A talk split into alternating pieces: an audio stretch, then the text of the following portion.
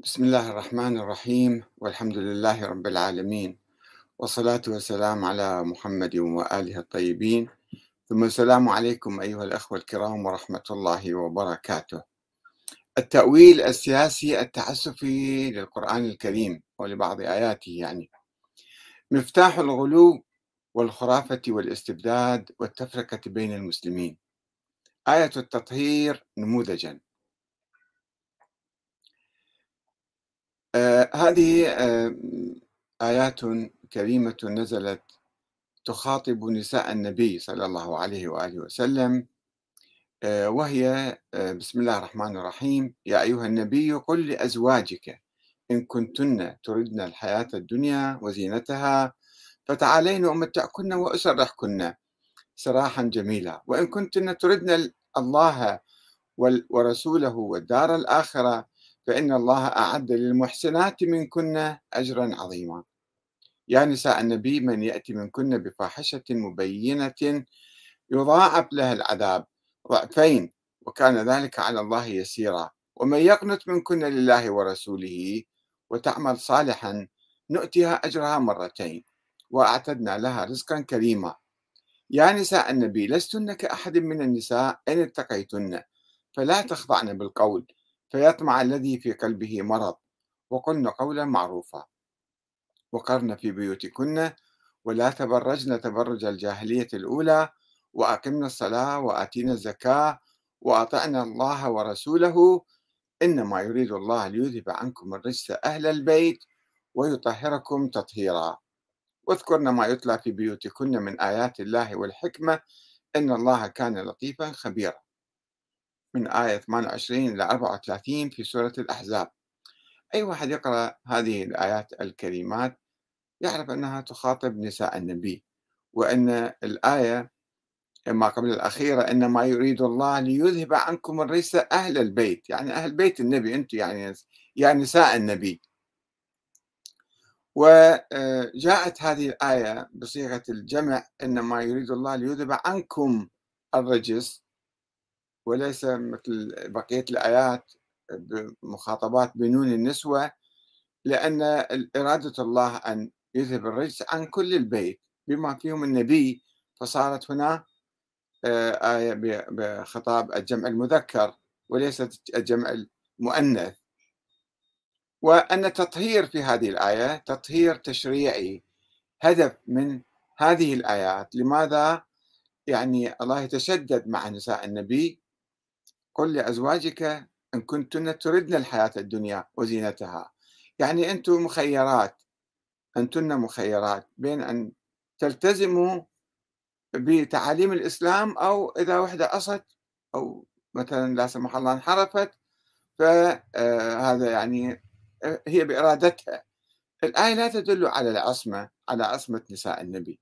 تخاطب نساء النبي ولكنها لا تدل على العصمة التكوينية. الإرادة من الله تعالى. إنما هدف هذه التعليمات المشددة لكي الله سبحانه وتعالى يذهب عن عنكم الرجس عنكم وكل من في البيت أهل البيت. آية شخصية بنساء النبي آه، وما فيها لا فيها عصمة ولا فيها شيء آخر. يجون الإمامية في القرن الثاني الهجري بعد مئة سنة. أو ربما بعد أكثر الله أعلم. بس المهم الإمامية ظهرت في هذه الفترة في القرن الثاني فاستفادوا من هذه الآية معنى العصمة إنما يريد الله ليذهب عنكم الرجس أهل البيت يعني الإرادة التكوينية. الله أراد يعني حقق هذا الشيء.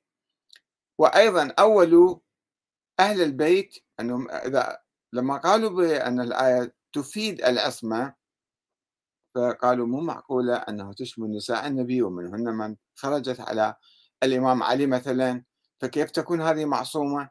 فلا بد أن يؤولوا أيضا كلمة أهل البيت بمعنى آخر. أهل البيت يعني آه، الإمام علي والسيدة فاطمة الزهراء والحسن والحسين وأبنائهم. طيب وبعد ذلك كيف آه، يعني طوروا هذا المعنى معنى الأسمة للإمامة أن هناك إمامة في أهل البيت في ذرية النبي يعني في هذه السلالة المخصوصة وليس في عامة السلالة. أنه هالأئمة الاثنى عشر هؤلاء معصومون. طيب لماذا يجب أن نقول الأئمة معصومون؟ لأنه حتى لا يأمرون بمنكر أو بباطل فلا بد أن يكون الإمام معصوما. نظرية الأسماء أيضا ظهرت على يد هشام بن الحكم في القرن الثاني الهجري ومجموعة من المتكلمين كانوا في ذيك الأيام قالوا الحاكم يعني الإمام الحاكم مقصود فيه يجب أن يكون معصوما حتى لا يأمرنا بمعصية. ونقع في آه، مشكلة يعني. وكيف نعرف المعصوم؟ ما يمكن نعرفه من وجهه ومن علامات بدنية خاصة به. فالله يعلمه فقط. فإذا الإمامة ليست بالشورى فضربوا مبدأ الشورى العقلاني القرآني. قالوا الإمامة ليست بالشورى وإنما هي بالنص من الله تعالى. طيب كيف نعرف هذا النص من الله تعالى؟ قالوا بالنبي نص على الإمام علي والإمام علي نص على الحسن والحسين وتسلسل طيب كيف انتقلت الإمامة إلى أبناء الحسين فقط ولم تنتقل إلى أبناء الحسن؟ وهل يوجد نص على زين العابدين مثلا؟ وقعوا في مطبات كثيرة والمهم يعني نظرية الإمامة عندما ولدت في القرن الثاني كانت تواجه عقبات نظرية وعملية. لم يكن من السهل القول بها لأنه لا يوجد نص حتى لو افترضنا الإمامة بالنص. طيب كيف؟ وين أين النصوص على الأئمة؟ لا يوجد نص على إمامة زين العابدين. برواية الكليني وبرواية عن الإمام الباكر. أنه لا يوجد نص على زين العابدين. يقولون بالوصية العادية. الوصية العادية أيضا غير موجودة في معظم الأئمة. يقولون نعم صحيح لا يوجد نص ولا توجد وصية على عدد من الأئمة إنما نعرفهم بالمعاجز بالمعاجز التي يقومون بها. طيب أين هذه المعاجز؟ وكيف نعرف هذه المعاجز ومن يثبت هذه المعاجز؟ فلا يمكن تحديد الإمامة في هؤلاء الأئمة الاثنى عشر اللي هم بعضهم كانوا يعني مستقيلين مثل الإمام زين العابدين كان مستقيل كان لا يرفض الإمامة أساسا وجالس في بيته ولا يتصدى للإمامة. الإمام رضا كذلك استقال عن الإمامة السياسية والدينية والعلمية ورفض الإجابة على تساؤلات الشيعة وبقية الأئمة يعني ما كانوا مصدين بهذه الإمامة السياسية وكانوا مبايعين أيام أئمة زمانهم يعني حكام زمانهم وعايشين معاهم. الإمام الرضا الإمام الجواد الهادي العسكري كانوا مع الخلفاء العباسيين ولم يكونوا يدعون الإمامة مثل ما كان يدعيها الأئمة الزيدية الذين كانوا يخرجون ويقيمون دول أو الإمام الفاطمي الذي خرج وأقام الدولة الفاطمية. هذا قال أنا الإمام المهدي وأنا الإمام في مقابل العباسيين. فهاي النظرية التي استنبطت بصورة تعسفية من هذه الآية الكريمة ومن آيات أخرى طبعا. آه، ولدت يعني وفرقت المسلمين النظرية وليس الأئمة الأئمة لم يدعوها. هذه النظرية المثالية الخيالية آه، فرقت المسلمين وأدت إلى الاستبداد فيما بعد. أدت إلى آه، تضييع الشيعة أيضا. أدت إلى الغلو بالأئمة والمزيد من الخرافات من أجل إثبات أئمة إمامتهم. وقعنا في مطب منذ 1300 سنة 1400 سنة حتى الآن. والآن يشوفون بعض الناس يدافعون عن هذه النظرية أيضا. حتى الآن هي نظرية غير موجودة. انقرضت قبل 1200 سنة. ليس لها وجود ولكن هي التي تقسم الشيعة الآن تقسم المسلمين إلى شيعة وسنة. السنة يؤمنون بالشورى والشيعة التاريخيين يؤمنون بالنص ولكن الشيعة عملا وعمليا يؤمنون بالشورى أيضا يطبقون الشورى النظام الجمهوري الديمقراطي. ولا يوجد معنى للتشبث بهذه النظرية الميتة والمنقرضة والمستحيلة. لا يستحيل تطبيقها الآن. ولكن الذين يعيشون في التاريخ وفي متاحف التاريخ وفي بطون الكتب لا يزالون يتجادلون حول نظرية الإمامة وأن الأئمة معصومين وغير معصومين وما إلى ذلك. المهم إحنا عندنا أحد الأخوة جاب لنا آيات أخرى معارضة لهذا الفهم التعسفي السياسي لهذه الآية لهذا المقطع من الآية. إنما يريد الله ليذهب عنكم الرجس أهل البيت يريد إرادة تشريعية أم إرادة تكوينية؟ ويطهركم تطهيرا. يقولون الأئمة مطهرون. من هم الأئمة؟ لا نعرفهم بالضبط. ولا يوجد أي دليل يعلمنا عليه. ما عدا بعض الأحاديث المختلقة فيما بعد. الأخ أبو يوسف العبيدي قدم هذه المداخلة. قال دكتور هذه آية مماثلة لآية التطهير وهي تخص أصحاب النبي كما أن الأولى تثبت عصمة أهل البيت فالثانية تثبت عصمة الصحابة والآية في سورة الأنفال إذ يغشيكم النعاس أمنة منه وينزل عليكم من السماء ماء ليطهركم به ويذهب عنكم رجز الشيطان وليربط على قلوبكم ويثبت به الأقدام.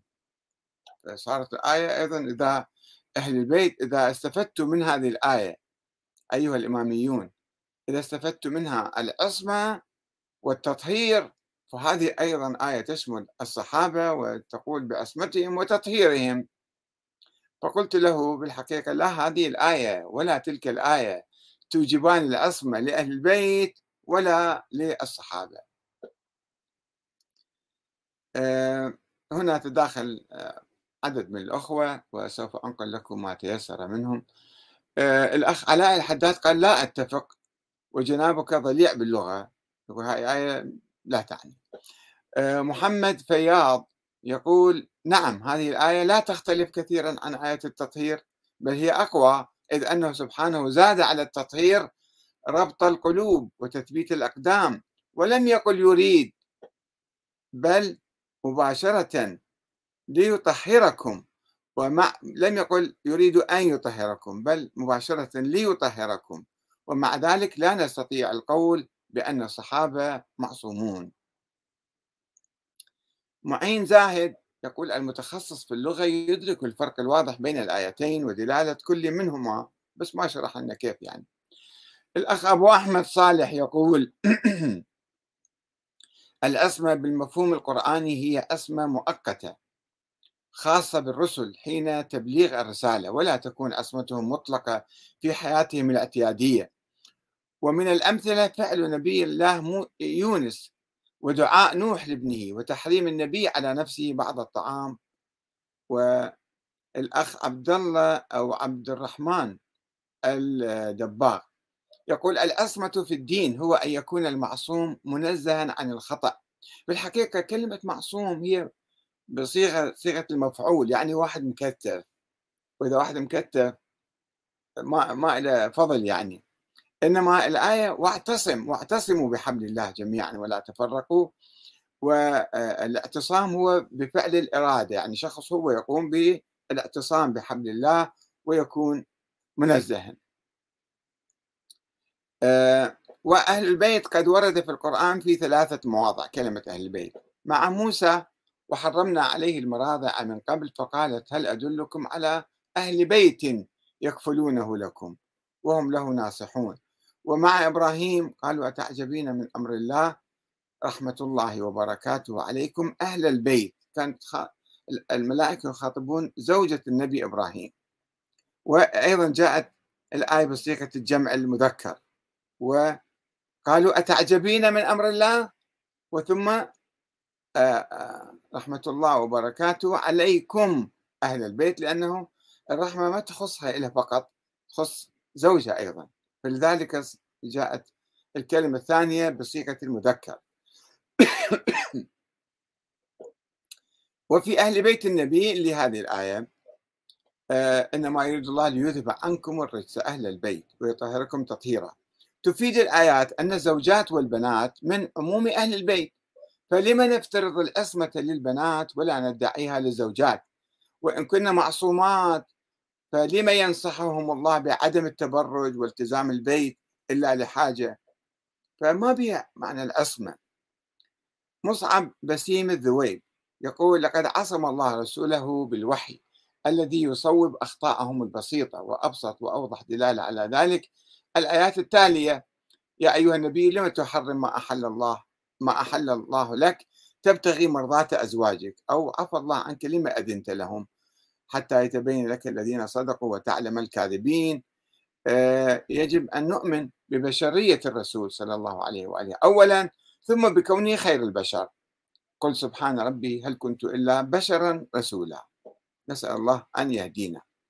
أبو يوسف العبيدي اللي هو قدم المداخلة الأولى يقول كان تعليقي من باب الإلزام. يعني هو ما مؤمن بهذا الكلام. يقول إذا أنتم استفدتوا العصمة من ذيك الآية لأهل البيت الأئمة فهاي الصحابة أمامكم أيضا. آه، حسن عبد يقول في ذيل آية الوضوء وردت الآية ولكن يريد ليطهركم. آه، وفي الآية الكريمة التي ذكرتها في منشورك. آه، قوله تعالى وينزل عليكم من السماء ماء ليطهركم به ويذهب عنكم رجس الشيطان. حين تتفكر في الآيتين الكريمتين وتتأمل سياقهما تعرف أن الإرادة الإلهية ليست عصمة لأحد كما توهم وابتدع واخترع المتوهمون بل لبيان القصد من الأوامر الشرعية بصفة خاصة وعامة. لو كانت الإرادة المذكورة ها هنا هي الإرادة التكوينية لتحقق التطهير التام أو ما يسمى بالأسمى لكل من توضأ أو اغتسل أو تيمم. نصيف الحداد يقول هذه أوضح وأخص يقصد هذه الآية الصحابة يعني. آه، عبد الرحمن رزيقي يقول هذه نزلت في بدر ومن حضرها وهي تثبيت ونصرة من الله تعالى. أما الأسمى فهي للأنبياء فقط في التنزيل والرسالة وغيرهم غير معصوم والله يؤيد بنصره من يشاء. صفوان الراوندي يقول الذين يبلغون رسالات الله ويخشونه ولا يخشون أحدا إلا الله وكفى بالله حسيبا. أين العصمة في هذه الآيات التالية؟ نحن أمام خيارين لا ثالث لهما إما أن يكون النبي غير معصوم وهو أقرب للصواب أو أن يكون القرآن كلام البشر. آه، ويقول وهذا وفي العقيدة الشيعية أن المعصوم لا ينسى ولا يسهو منذ ولادته. الحقيقة, الحقيقة لا توجد عقيدة شيعية واحدة وثابتة وكل إنسان من العلماء عبر التاريخ هو يعبر عن رأيه. لا شيء لا يوجد شيء يلزم بقية الناس وفي ناس لا يقولون بعصمة الأئمة أيضا من الشيعة أيضا. في حياة الأئمة وحتى الآن. فمو بالضرورة.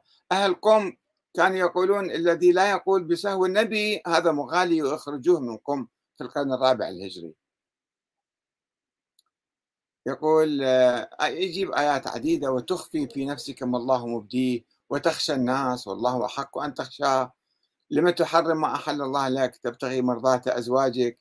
ولا تقولن لشيء إني فاعل ذلك غدا إلا أن يشاء الله. واذكر ربك إذا نسيت وقل عسى أن يهديني ربي لأقرب من هذا رشدا. أو عفى الله عنك لما أذنت لهم. نفس الآيات اللي جابوها عدد من الأخوة. فيها أنه الأنبياء ينسون أو يخطئون أو شيء. و آه، وأين عصبة النبي موسى منذ ولادته وهو من أولي العزم؟ قال لا تؤاخذني بما نسيت ولا ترهقني من أمري عسرا إلى أن يقول فاستغاثه الذي من شيعته على الذي من عدوه فوكزه موسى فقضى عليه. قال هذا من عمل الشيطان إنه عدو مضل مبين. القتل اللي صار يعني. أحمد علي البصراوي يقول إذا كانت آية ليذهب عنكم رجس أهل البيت ويطهركم تطهيرا تعني العصمة فإنها جاءت بعد حديث طويل موجه خصيصا لنساء النبي بمعنى أن نساء النبي معصومات كذلك. قحطان ثابت يقول الله الله الله. وهل نزلت آية أعظم من قوله تعالى لا تحزن إن الله معنا؟ وهل نال صحابي صحابي هذه المنزلة العظيمة. ما ظنك باثنين الله ثالثهما ومع ذلك ففي المنظور العام لأهل السنة والجماعة اعتبرت فضيلة لسيدنا أبي بكر الصديق رضي الله عنه. ولم يبني عليها أحكام ولم يبنى عليها أحكام عقائدية وأعياد وطنية. وهكذا. لذلك نجد في كتاب تاريخ الخلفاء لكل صحابي فضائل ذكرها النبي. فآل البيت والصحابة رضي الله عنهم جناحان يطير بهما السالك إلى الله بمحبتهم وتوقيرهم وعدم الطعن بهم. مالك التميمي يقول طبعا هذه الآية يعني أقوى وأكثر دلالة. فضلا عن ذلك فضلا على ذلك آية التطهير ليست آية وإنما جزء من آية في سياق واضح يخص نساء النبي لكن الشيعة يدعون أنها آية. أحمد الجنابي يقول من المغالطات الاختزالية المرفوضة نقلا وعقلا ومنطقا ولغويا. وعرفا إخراج نساء النبي من قوله تعالى يريد أن يذهب عنكم الرجس أهل البيت ويطهركم تطهيرا. كون السياق يتحدث عن نساء النبي جميعا هذا أولا. وث... وثانيا رغم هذا نحن نعتقد بأن نساء النبي ليس لسنا معصومات. كغيرهن من الصحابة وأهل البيت. الأسمى المطلقة لله والأسمى للرسل والأنبياء بالوحي فقط. دليل ذلك سجل القرآن عصيان بعض الأنبياء. اختزال الحكم وشرعنته بالتعيين لعوائل وعشائر بدعة سياسية لا أصل لها في الدين سواء قريش أو الأمويين أو العباسيين أو العلويين. كلها ردود أفعال سياسية بسبب الملك الوراثي العضوض الذي ابتدعه الأمويون. الأصل في الحكم هو الشورى الملزمة. الدكتور أحمد الجناح مصطفى البهادلي يقول إن عقيدة الإمامة والعصمة ليست أكثر من نظرية خيالية. لا أثر لها نافعا في الواقع ولم تتحقق أو تحقق حتى دعاوى الشيعة التي علقوها بها. ولو تدبر الشيعي حال الشيعة اليوم لوجد نظريتهم في واد وواقعهم في واد آخر تماما. يعني يؤمنون بالشورى بالديمقراطية بالجمهورية. وأيضا يقول آه الأخ موفق علي الجبوري. يقول محمد رسول الله والذين معه أشداء على الكفار رحماء بينهم. تراهم ركعا سجدا يبتغون فضلا من الله ورضوانا. آه عبد الواحد غالب العثماني يقول ليست في آل البيت ولا عصمة الصحابة يعني. أمير عباس يقول صحيح لكن من استدل بتلك العصمة لزمه الاستدلال بهذه على عصمة أولئك على الصحابة يعني. اللي يستدل بذيك الآية مالت سورة الأحزاب على عصمة آه، أهل البيت اللي هم نساء النبي وبعدين يطور المعنى إلى السلالة لزمه الاستدلال بهذه الآيات على عصمة الصحابة. آه، نبيل أبو أشرف يقول لا يوجد إنسان كامل بمعنى العصمة وعلم غيبي ويرزق ويحيي الموتى ويمطر السماء لأن هذا الغلو اللي بعدين صار يعني حول هؤلاء الأئمة. هذا الغلاة طوروا هاي المفاهيم مو بس الإمامة لا أعطوهم حتى خلق الكون والعياذ بالله. وهذا كفر وشرك بالله تعالى. لأن الإنسان بطبيعة خلقه لديه جوارح وشهوة وعلم محدود مهما على مركزه. يبقى إنسانا حتى الأنبياء والرسل. آه وأيضا فما بالك بغير الناس. آه محمد الأنصاري يقول آه دكتور أبي رأيك في هذه المسألة؟ بالنسبة للإمام علي هذه موضوع ثاني حول الجمع بين الصلوات الإمام علي كان يصلي العصر وقت ما يقال أنه يعني تأخر. آه، عبد الوهاب الزيدي يقول اليوم أكملت لكم دينكم وأتممت عليكم نعمتي ورضيت لكم الإسلام دينا. الدستور موجود وهو كلام الله فيه تبيان لكل شيء. أما الخلفاء الاثنى عشر فالأمة فيها على خير كما أشار الرسول ليس إلا ومن بعدها فهو السلطان والدويلات. وأساسا هذا الحديث سيكون بعدي 12 أميرا أو 12 خليفة وخبر أحد طفل رأوي. وليس متواترا ولا مؤكدا ولا ثابتا وبنظري أصلا مو صحيح هذا الحديث وتحدثت عنه في أكثر من مرة. عبد القادر محسن اللهيبي يقول أعتقد الابتعاد عن نشر منشورات لأشخاص عاديين. لا هذا برأيي ماكو واحد يمثل رأي السنة. يقول كونه لا يمثل رأي أهل السنة. واحد عنده فكرة يا أخي العزيز. آه، الجشعمي يقول لا هذه ولا تلك. الآية تدل على العصمة. العصمة قوله تعالى وما ينطق عن الهوى إن هو إلا وحي يوحى فقط يعني. محمد البدري يقول عن أنس قال رسول الله كل ابن آدم خطاء وخير الخطائين التوابون. القطري الأصيل يقول ولماذا توجب توجب العصمة على شخصيات بشرية غير مكلفة من الله؟ وما الحكمة من عصمتهم لو كانوا معصومين لا نستطيع أن نتعبد مثلهم ولا أن نصل إلى مستواهم العقدي والإيماني وهذا يعتبر من العيوب على الإسلام من أتباعه. إذا سوينا إذا قلنا ذلك يعني. حينما يطلب المشرع عبادات تكون مثل المعصومين والأتباع غير معصومين هذا تكليف صعب. التطبيق أبو حيدر يقول لا توجد أسمى لبشر بل وحتى الأنبياء إلا بما يوحى إليهم. يوحي إليهم ربهم في أمور الدين والرسالة. إحسان محمد الخنشور يقول أعتقد أن أي دليل على العصمة لو سلمنا بثبوته. المهم كيف ننقله للتخصيص؟ أنه هذا معصوم. وهنا نضيع بحيث بيس حتى نوصله لاثني عشر إماما. وأحد واحد منهم لم نحصل بيقين على وجوده وولادته الإمام الثاني عشر المهدي الغائب. وكيف نثبت بقاءه حيا إلا بدليل فلسفي؟ أن الأرض لا يجب أن تخلو من إمام أو حجة لله على الناس. هذا كله ما بنيت عليه النظرية الاثنى عشرية. وكل ما عدا ذلك هو تنطع ولوي أعناق النصوص يعني تأويل تعسفي.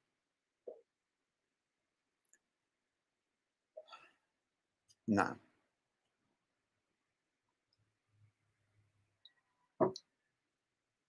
أيضا عندنا سالم بدر يقول إذا النبي لم يكن معصوما من الخطأ فكيف ما دونه؟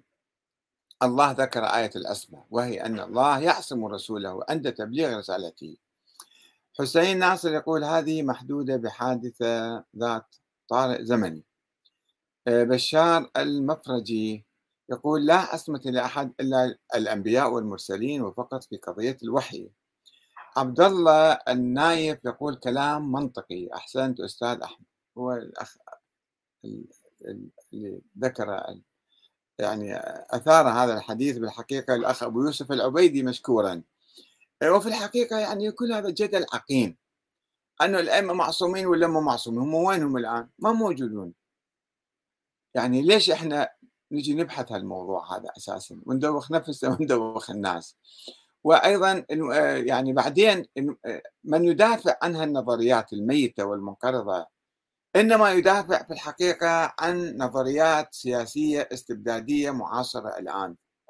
يعني شوفوا المرجعية الآن التي تقول نحن ويقول كل مرجع يعني أنه هو نائب الإمام الثاني عشر الغائب. نائب عام. عنده صلاحيات الإمام والراد عليه كالراد على الإمام والراد على الإمام كالراد على الله ويصير هذا شبه معصوم. الآن المرجع لا ينظر إليه شيء لا ينتقد لا يعارض لا مثلا أحد يخالف رأيه. وإذا قال فت حكم وفتوى صارت كأنها وحي منزل. هاي نوع دكتاتوريه دينية هاي في الحقيقة.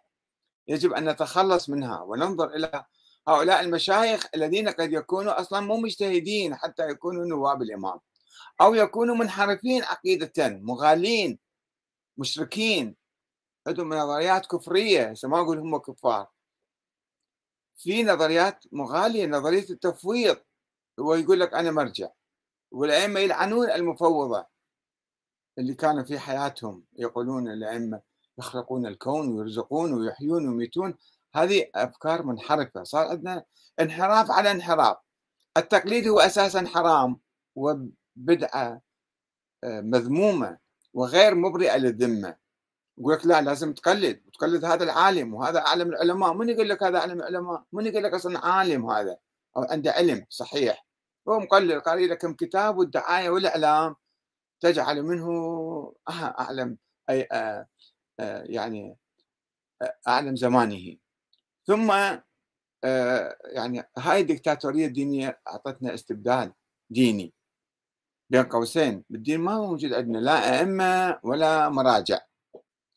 يعني كل واحد إنسان الحكام وحتى ال ال النظام السياسي متروك للناس هم يختارون النظام اللي يردوه في زمانهم. مثل ما الآن الشيعة يعملون وسائر المسلمين الذين ينتخبون الحكام ويراقبونهم ويحاسبونهم ويغيرونهم.